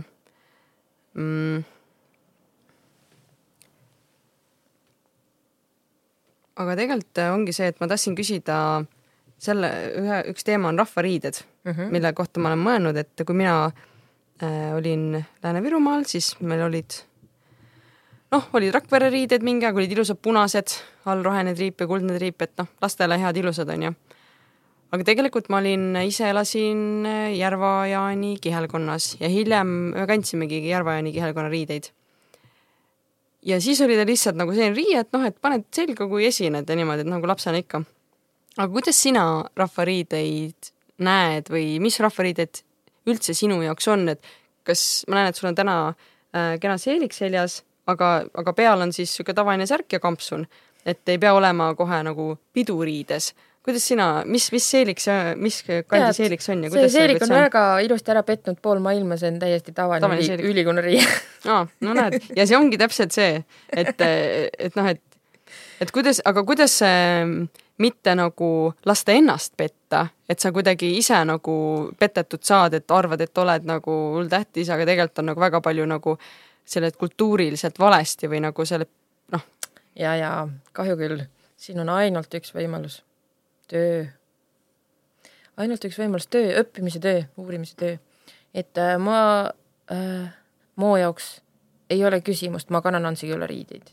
ma ei kanna teisi riideid, ma kannan Ansiküla riided, sest need on Moo riided äh,. Mool ei ole kunagi kostüümi ega esinemisriideid, Mool on riided äh,. sest ma olen Ansiküla inimene, ma olen sõrulane, need on Moo riided ja, ja kui sul on oma riided, siis see on selge, et äh, muidu mul on pidulikumad riided ja mul on ega, egapäisemad riided ja mul on suiseilma riided ja külma ilma riided äh,. rahvariide hulkas umbes nõnda samuti.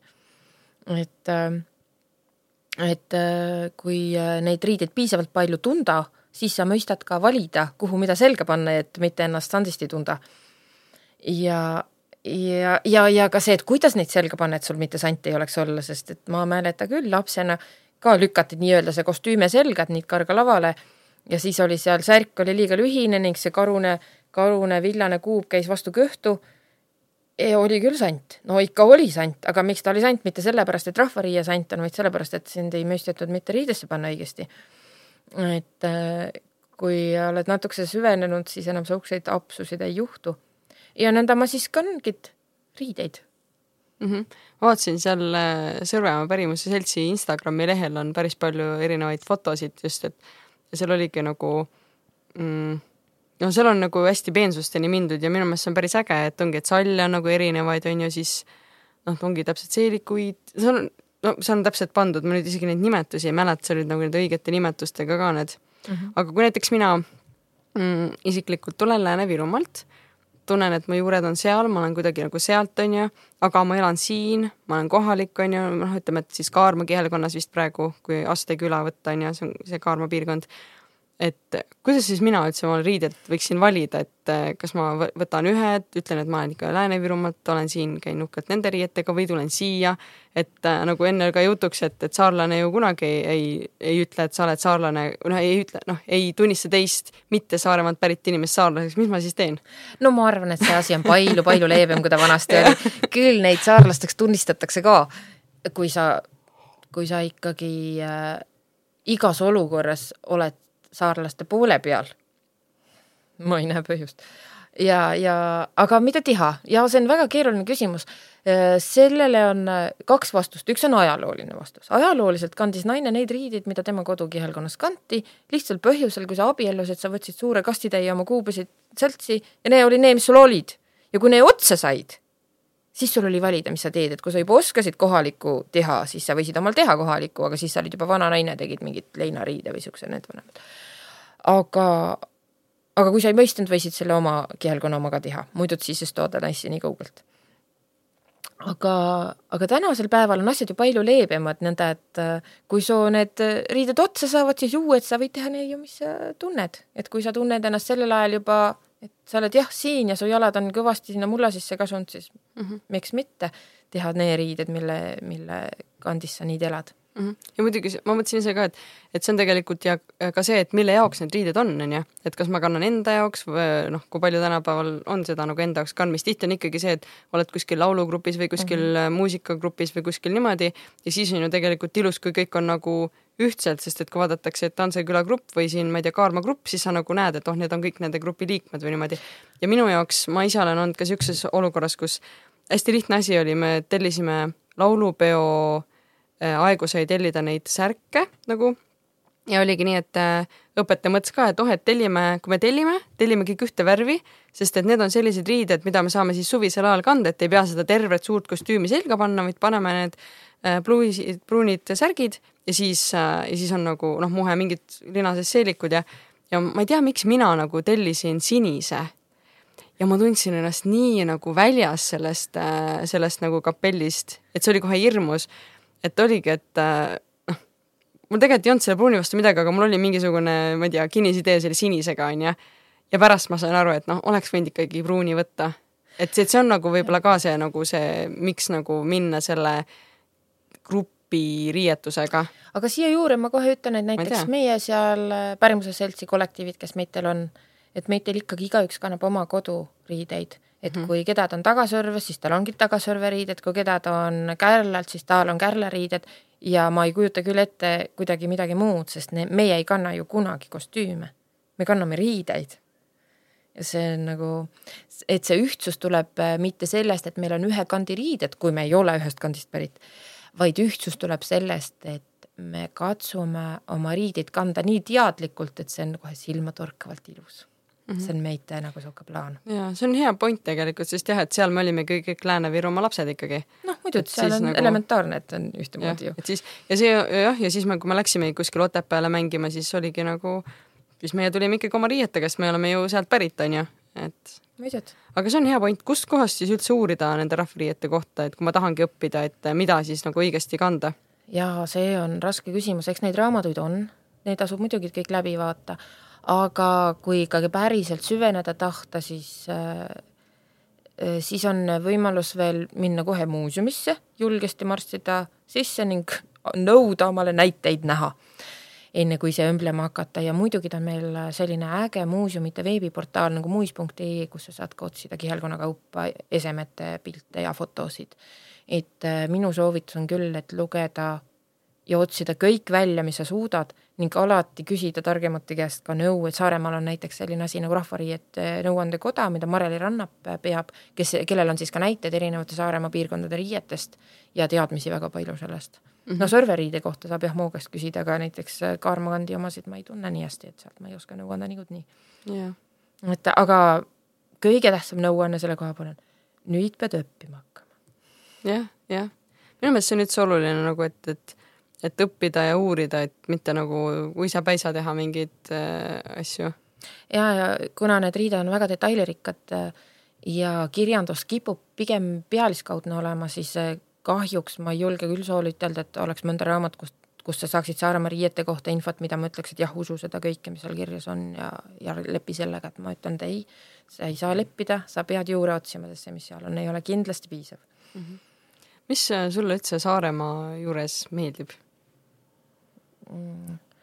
see on, tead, see on peaaegu nagu sama keeruline küsimus, nagu keegi küsib, et mis sul su oma lapse juures meeldib või ema juures või okei, see on, see on hea vastus, sest et ma arvan, et kui sa selle paralleeli tood, siis või mis sul oma kodus meeldib põhimõtteliselt on ju, et. ta on mu kodu, mulle meeldib see Saaremaa juures, et see on mu kodu, et Sõrve on mu kodu, et mm. -hmm.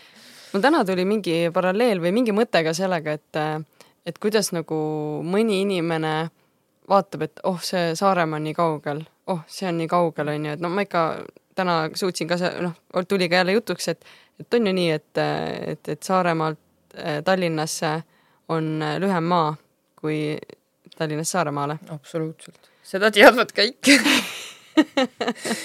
et, et aga, aga kui inimene jõuab juba Kuressaarde välja, mis sa arvad, miks nad sinna Sõrve tulevad äh,? ainult siis, kui tõesti, tõesti väga kangesti on tarist minna.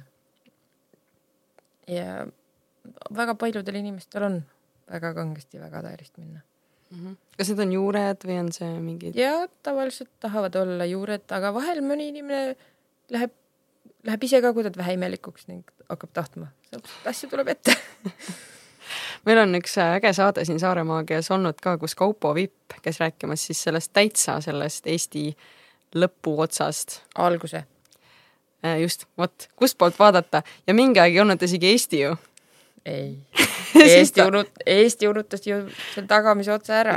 ja sealt tuligi see kuningriik loodud. Ja mulle nii meeldib see ütlus, et ähm, ma täpselt seda sõnastust või neid õigeid sõnu ei tea, aga selle kuningriigi loomise kohta oligi see lause, et üks, äh, eks see sõr-, sõrve, sõrvenali ongi üks väga tõsine asi. et õige, õige sõrvenali ongi üks väga tõsine asi, et, et kui ikka seal noh, läbi huumori see asi tehtud sai ja ikka väga-väga tõsiseks tõsiselt sai see kuningriik loodud üle kahe no, kolmekümne aasta juba. ja, ja no kuule, kui sul on ikka terve suur tükk riiki ära unutatud, siis see ongi väga tõsine asi, isegi kui see naerma ajab natuse. jaa vot, aga, aga ma väga tänan sind, et sa oled nii ägedaid asju teinud siin ja ma tean, et noh, come on, see on alles algus, et kõik see kuidas sa nagu ise praegu näed, et, et üks inimene ei jõua ju kõike teha, et kuidas sa oled mõelnud ka, et kuidas kõik see muusika, keel, kuidas see kõik võiks edasi minna, et kas on praegu mingeid asju käimas ka, et kuidas see keel saaks ka nii-öelda suuremalt levima või on nagu seda tähtsaks nüüd pida-, peetud, et tegelikult seda võiks ikkagi õppida ka nagu hariduse tasandil? ma ei tea, kuidas ma ütlen, haridussüsteemi tasandil, ütleme Haridus, nii. jaa, ei, mitte unistus on ju olnud kõik need äh, viisteist aastat, mis me seda teinud oleme, et haridussüsteem ulataks oma sõbraliku abikäe ja ja eks me pisitasa ju oleme sellega ka tegelenud, et need aabitsad jõuavad kõikidele esimese klassi õpilastele tasuta ja kõikidele õpetajatele ja, ja kui kool on tahtnud midagi nendega teha, siis ta on alati seda saanud. mis Aga... piirkonnas, see on siis Sõrve piirkonna esimese meil on üks kool, meil on Salme kool ning Salme kooli mm. lapsed on kõik selle raamatuga saanud. just selle mõttega, et isegi kui koolis ei ole aega sellega tegeleda, siis tal on see raamat olemas ja vaadaku või pilti, siis ta vähemalt teab, et ta on sõrulane. et olge seegid. aga nii Tia praegast eesti keele õpetaja võttis meitega ühendust ning vaatame, äkki saame midagi abi, abikätt talle ulatada, sest meid Sõrves on sihuke õnnetu lugu, et meid eesti keele õpetaja ju pole mitte sõrulane ja siis see õnnetu pole ta muidu midagi, aga, aga siis ta ju ei mõista sõrve keelt, see on see ainu, ainumas asi, mis seal õnnetu on, sest vaata, kui maakoolis käisin, meite õpetaja rääkis kenad sõrve keelt ja Sõrves on tihti nii olnud, et õpetaja räägib nii kenat Saaremaa või Sõrve keelt ning siis inimesed kõrvalt umbes vaatavad, kuidas see üldse võimalik on, et lapsed vigadeta kirjakeelt sinna juurde kirjutavad, sest et häälduse järgi sa mitte midagi aru, et kuidas seal siis nüüd see siis nüüd kirjakeel oli. aga praegust on teistmoodi ja eks vaatame, kuidas meitel see koostöö laabub mm, -hmm. aga töö käib. jaa, tasapisi ja see ongi täpselt see, et et asjad juhtuvad õigel ajal või natuke hiljem. et nad juhtuvad jaa, ja see on äge, et nagu need asjad nagu pöörduvad kuidagi, et, et kas sa oled muidu niisugust, kindlasti nagu oled saanud, aga millist nagu vastu äh, ma ei tea, vastumeelsust või sellist nagu, et miks üldse niisugust asja ajada, mis sinu jaoks kõige selline märgilisem on või mõni huvitav seik on sul tuua ei ka? no vastumeelsust on äh, ikka, inimesed on ju ikka kõige uue vastu, isegi kui see uus on kõige vanem asi üldse, mis sa tead, nagu see oma emakeel. eks see, see konservatiivsusel on mitmeid külgi, et üks on see, et jah, et hoiame seda oma keelt ja kultuuri ja teine külg on see, et äh, saame, saame eurooplasteks ja maailmakodanikeks ja see saab ka üsna konservatiivne vaade olla teise korra ja natuke selline kinnine ja kitsas aga tead, eks seda häid, häid näiteid on raske tuua, sest et neid näiteid on palju ja nad ei ole eriti lõbusad. aga millest see nagu tuleb, mis on, mis see ühine nimetaja on? tead, moo, moole tundub, et äh, see ongi see kitsas silmaring. kuigi eesmärk justkui on, et saada maailmakodanikuks või vähemalt eestlaseks, mitte sõrulaseks, justkui oleks nagu avardamine, aga mingil omapärasel moel Äh, on ta pigem jah, just selle kitsuse ja mm kahanemisega seotud ja need, kes tulevad tagasi natuke laiema pilguga, vaatavad asjale peale, suhtuvad äh, siinsesse keelde ja kultuuri palju avatumalt. ja nõnda ongi, et meite seal seltsis, kes meil seal on koos, no viiskümmend, kuuskümmend inimest otsapidi, äh, kes vähem, kes rohkem, et nende hulgas ikka enamus on kas ära käinud või veel hullem veel hullem ongi hoopis mujalt, et ei olegi sõrulased mitte. aga mis see loeb, peaasi, et nad sõrulaste sõbrad on. jah, ja peaasi, et, äh, peaasi, et just seda asja nagu toetavad ja aitavad. et ähm, ma olen väga tänulik ka, et, et sa seda kõike teed ja ma küsin su käest pärast autogrammi ka siia raamatusse tegelikult ma olen, vaata, see on see, et, et asjad, mida sa tahad, need tulevad kuidagi ikkagi nagu teoks, et ma olen mõelnud, et kui ma need äh, raamatuid ostan või saan kuskilt, et siis võiks ikkagi autori autogrammiga olla kuidagipidi, et. no ikka mul, see oli nii äge see päev, kui ma läksin linnapoodi ja ostsin omale autogrammi pastaka, ma mäletan seda. käisin ja proovisin erinevaid, siis ostsin omale kohe kolm tükki ning need kulusid nõnda kenasti marjaks ära ja ja siis tuli kaupuvipp, tuli mu käest abitsale ostma, see oli toomapäeval kaks tuhat seitseteist. ja siis ma ütlesin, noh, tahad ju autogrammi ka, jaa muidugi, tõmbas taskust välja pastaka, autogrammi pastaka, ma tõmbasin samal hetkel oma taskust täpselt samasuguse, ta oli ka autogrammide jaoks täpselt sama ostnud, ta ju ka ju raamatuid välja andnud. no näed. see oli lihtsalt see kõige parem autogrammi pastakas. selle panen kõrva taha, et, et ikka, kui raamatu teed, peab olema autogrammi pastakas, mitte mingi suvaline kuskilt just. okei okay. Tahtsin midagi veel öelda, aga ma, ma olen praegu nii elevil, ma ei tea ma küsin sult need äh, Äh, kolm viimast äh, küsimust ja vaatan, äkki mul tuleb see äh, asi meelde. et ütle, Mari, mis on üks sõna, sõna, ma olen siia kirjutanud, mida võiks sörve keeles teada, mõni vahvam sõna. mõni iga, mida iga inimene võiks sörve keeles teada või? jah. tead sa, ma unutasin seda välja mõtelda, aga kena terit kena terit soole mm. -hmm. see on nagu, et äh.... head tervist sinule ja su perele. kena, terit teitele. kena terit teitele. kenad terit teitele. see tähendab head tervist sinule ja su perele mm. -hmm.. et teitele, et äh, sõrvekeeles ei teietata ju inimesi, aga teitele nagu... tähendab sinu peresse mm. -hmm. äge, väga-väga ilus asi nii äh,, nimeta koht, kus saab Saaremaal tantsida. Saaremaal saab tantsida tantsijuhtajatel loomulikult, kõige mhm. paremdi ja need on siis iga kuu viimasel reedel, aga kus kohas umbes täpselt, seda sa pead ise üles otsima mm. -hmm. üks küsimus ka tantsimise kohta, et mis vahe on pärimustantsul ja rahvatantsul see on, see on väga lihtne asi.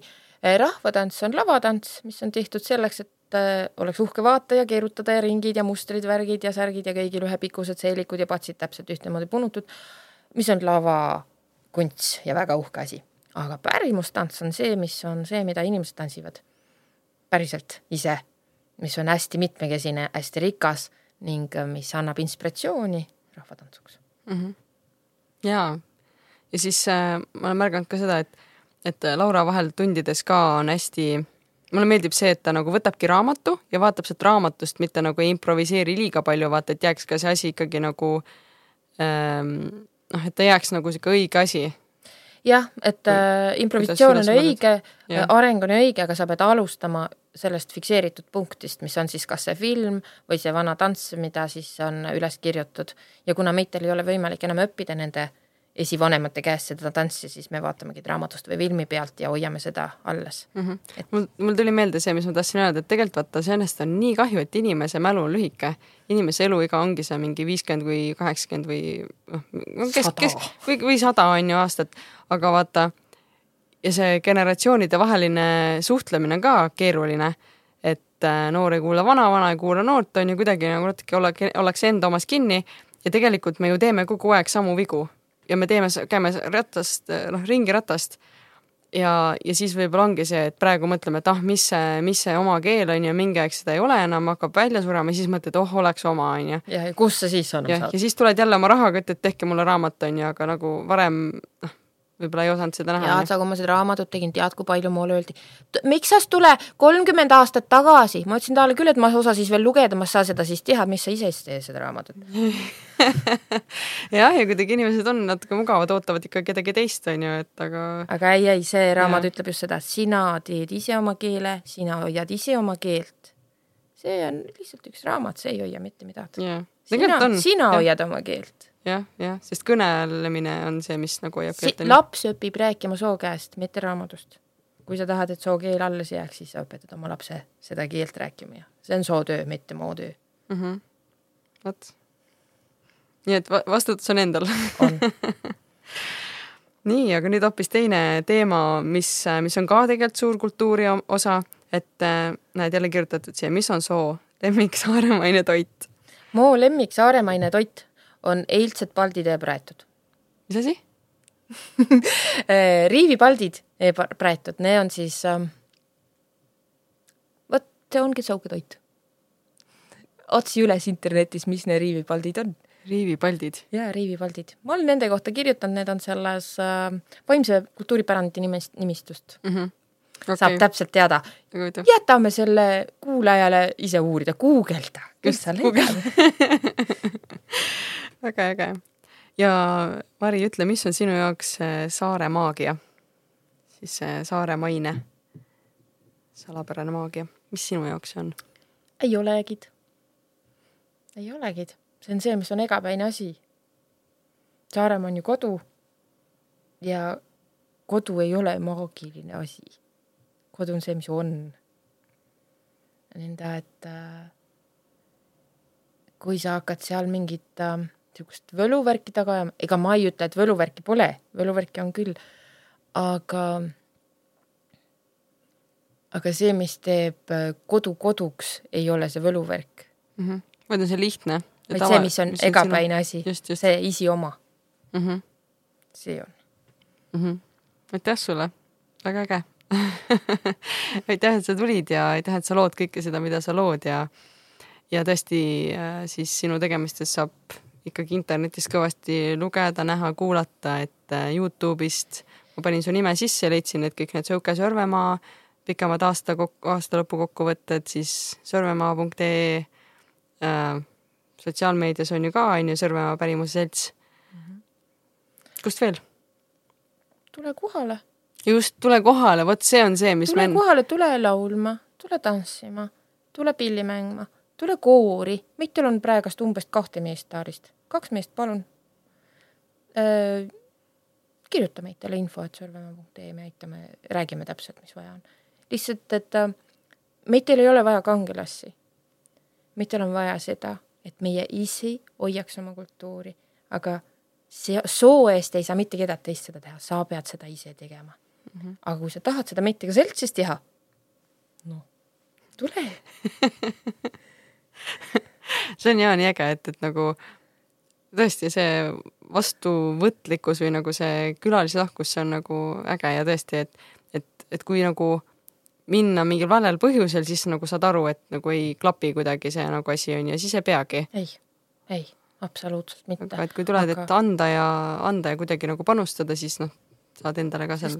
ongi, ma ütlen, mis see segakooris laulmine, et äh, kellele sa seda teed nüüd, endale või kellelegi teisele? ikka endale teed ju, aga samal ajal sa toetad äh, seda UNESCO kultuuripärandit, laulupeo traditsiooni, mis on saanud alguse Ansikülast äh, Eestimaa oma vähemasti. Ühte otsa pidi. nõnda, et äh, lihtsalt tuleb endale aru saa ja aru anda, et mida sa tahad maailmalt saada, kui sulle meeldib kultuur, kui sulle meeldib oma kultuur, kui sulle meeldib pärimuskultuur, kui sulle meeldib tõesti tantsida, laulda, pilli mängata või, või kooris laulda või, või raadiumit teha või ma ei tea, võrgulehte ülal pidada ja sa mõtled, et see on tähtis, siis sellest on vähe abi, et sa istud ning mõtled, et see on tähtis ja küll on kena, et teised seda teevad. siin tuleb ise teha. sa pead tulema ja tegema isi, kui sa arvad, et see on oluline ja kui sa ei viitsi ise teha, siis mõtle järele, kas see päriselt su arust ikka oli oluline või et ära siis niisama tututa. jah, jah, ja igalühel ongi oma aeg ja koht, on ju. et mis, mida ja kes, et minu meelest see on ka nii äge, et teil on jah, siin ähm, vaatasin ka ühte videot, kus äh,, kus olidki kaks naisterahvast, ma ei mäleta nende nimesid, aga see oli, mul jäi hästi kõrva nagu see, et nad olid mõlemad noored, mõlemad õpivad õpp- või õppisid muusikat, dirigeerimist, võib-olla siis mäletad mm, -hmm. et ja mulle kõlaski see kõrva, et, et jah, et noorena ongi raske käia sinna, vaata, sest et ikkagi see on ju nagu Tartu ja Tallinnast on see nagu kaugele tulla ja noorena käi mölla, ole, küll sa lõpuks oled siin pikemalt, et mm. -hmm. küll sa jõuad, käi, sa peadki tulema tagasi lahtiste silmadega, mitte istuma siin oma konnatiigis, piiluma korraks siit servast välja ning arvama, et sa oled maailma kodanik mm. -hmm. no see on väga hea point, jah vot, aga aitäh ja mõnusat jätku. aitäh, Taarist, jõudu tere, tere, neitsikene, tere, tere, neitsikene, tere, delta tulles saani, tere, delta tulles saani, kui sa tulid meie laale, kui sa tulid meie laale, kes sind teel teretas, kes sind teel teretas, ehk kandis aruso käde, ehk kandis aruso käde, kes sind küljelt kummardelles, kes sind küljelt kummardelles, tahtsin teel teretasid, tähed teel teretasid, kuusin küljelt kummardelle, kuusin küljelt kummardelle, päe andis aru sogade, päe andis aru sogade, tere, tere, neitsikene, tere, tere, neitsikene, istu siia istemisse, istu siia istemisse, kus oma enne istund, kus oma enne istund, tere sinu ülli ümmargune, tere ülli ümmargune, tere sinu lakki laiguline, tere lakki laiguline, pealt sinu nuugjate juuste, pealt sinu nuugjate juuste, tere sinu kallis kaelakarda, tere kallis kaelakarda, ümbert sinu kaela kaunikese, ümbert kaela kaela kaunikese, tere sinu kilbised käised, tere kilbised käised, ümbert sinu armaste abude, ümbert armaste abude, tere sinu kardine kasukas, tere kardine kasukas, tere sinu siini allikube, tere siini allikube, pealt sinu kardise kasuka, pealt sinu kardise kasuka, tere sa kinda kindad käesta, tere kindad käesta, tere sinu öö ümmargune, tere öö ümmargune, ümbert su ihu ilusa, ümbert ihu ilusa, tere sinu uusi kurduskuubi, tere uusi kurduskuubi, pealt sinu puusade parasa, pealt sinu puusade parasa, tere sinu siile sitsi põlle, tere siile sitsi põlle. Pealt sinu põlvede paarasa, pealt sinu põlvede paarasa. tere sinu sätsad säärissida, tere sätsad säärissida, üle sinu sääre säädisasti, üle sääre säädisasti. tere sinu kaunid kapetad, tere kaunid kapetad, tere sinu uue tummiskingad, tere uue tummiskingad, pealt sinu pöidlade para saab, pealt sinu pöidlade para saab. tere näe pingid piimul pestud, tere pingid piimul pestud, tere näe lauad liivullaarid, tere lauad liivullaarid, tere näe kannud kardakaaned, tere kannud kardakaaned, tere näe kappad kuldakõrvad, tere kappad kuldakõrvad.